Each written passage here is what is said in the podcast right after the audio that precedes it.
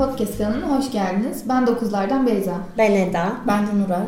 Bugün sizlerle Sadako kitabı hakkında konuşacağız. Ee, Sadako kitabında bahsedilen şey Japonya'nın Hiroşima kentine bir atom bombası atılıyor ve bu bomba sonucunda lösemi hastalığı ortaya çıkıyor ve e, Sadako isminde bir kız çocuğu var. Bu kız çocuğu da lösemi hastalığına yakalanıyor. Bu hastalıktan sonraki duyguları, düşünceleri, hisleri ve hayatın ilerleyişinden bahsediyor kitap bize. Öncelikle belirtmek isterim ki Sadako kitabı kesinlikle bir çocuk kitabı olarak görülmemeli. Çünkü e, gençlerin de okuması gereken bir kitap, hatta yetişkinlerin de okuması gereken bir kitap olduğunu düşünüyorum.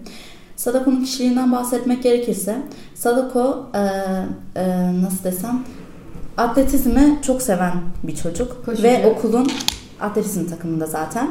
Ee, aynı zamanda çok iyimser, çok hayat dolu yani nasıl diyeyim enerjili yani yanında duran kişiye pozitif enerji verebilecek bir kız. Ee, Her şeyden mucizeler bekliyor. Aynen. Hayata dair hep umutları var. Ama sonra hastalığa yakalanıyor. Evet, sonra hastalığa yakalanıyor ama yine de umudunu hiç kaybetmiyor. Çünkü çok yakın bir arkadaşı ona bir Japon efsanelerinden bahsediyor. Ee, bu efsanede bin tane kurna, turna kuşu yaparsa dileğinin gerçek olacağını söylüyor ve Sadako'nun dileği de iyileşmek.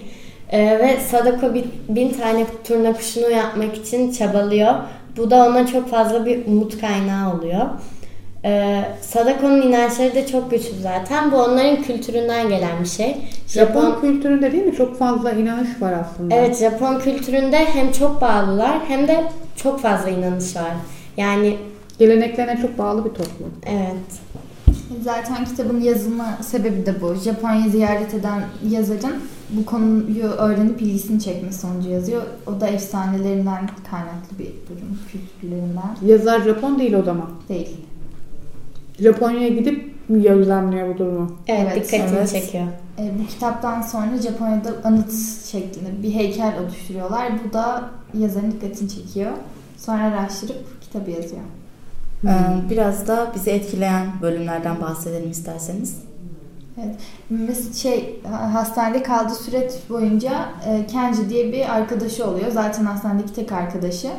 E, Kenji hayattan tüm umudunu kesmiş. İyileşeceğine dair hiçbir umudu yok. Ama buna rağmen Sadako e, onu da hayata bağlamaya çalışıyor ve kendi de hep hayata bağlı kalıyor. Bu da bence kitabın çok güzel bir yönü.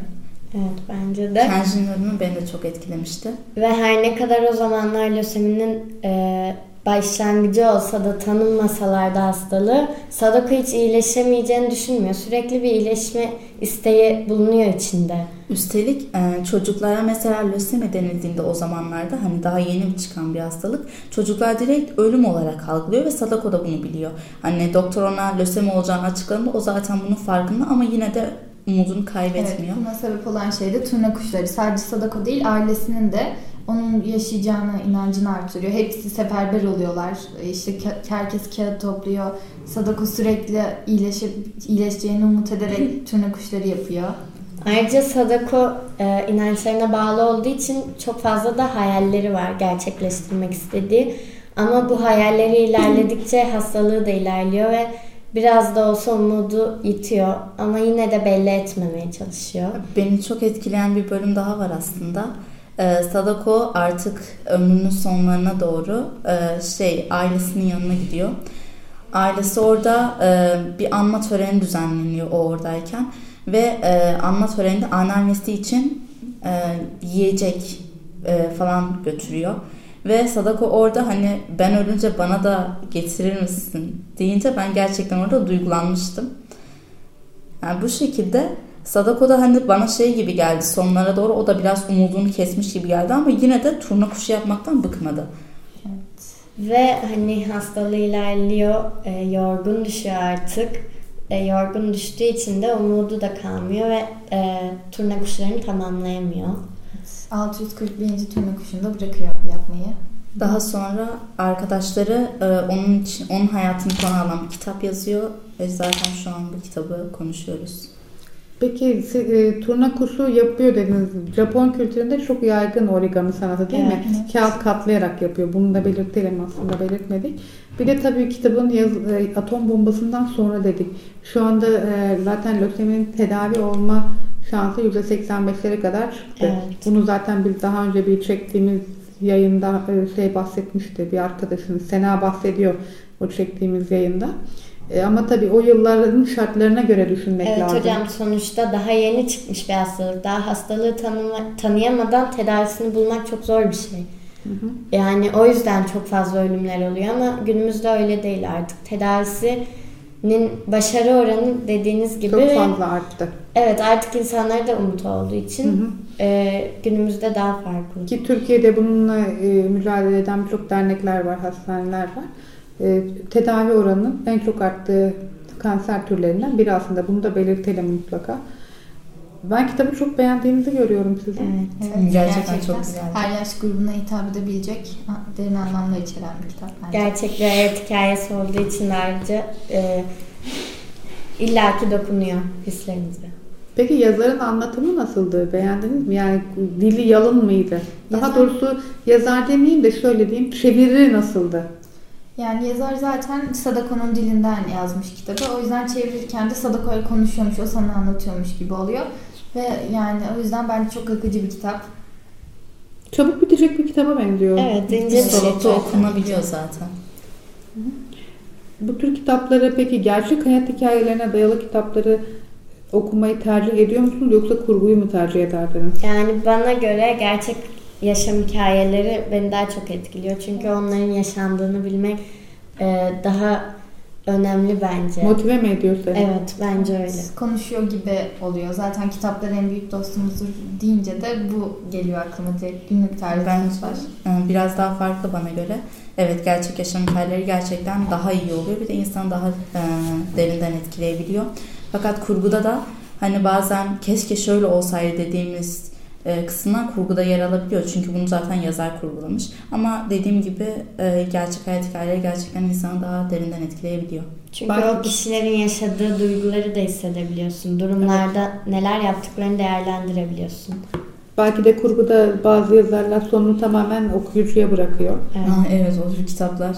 Gerçekten hiç sevmiyorum o tür kitapları. Ha. Evet. Hayal gücüne bağlı bir şey aslında. Ben de bazen sıkılırım. Ha keşke söyleseydi falan derim. Evet, merak e, ben ederim. kendi hayal gücümle belki farklı tamam, tamam, tamamlayacağım. Özür dilerim. Belki de onu istiyor aslında.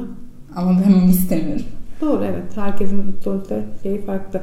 Aynı kitaptan farklı çıkarımlar yapabiliyoruz aslında. Evet, Kitap evet. yorumlama gücü de burada ön plana çıkıyor. Ee, bu yayında aramızda olduğunuz için teşekkür ederim. Biz teşekkür Eklemek ederiz. istediğiniz başka bir şey var mı? Başka yok zaten söyleyeceklerimizi söyledik. Aslında e, savaşların sonuçları hakkında da konuşabiliriz. Evet bir de şöyle bir durum var tabii.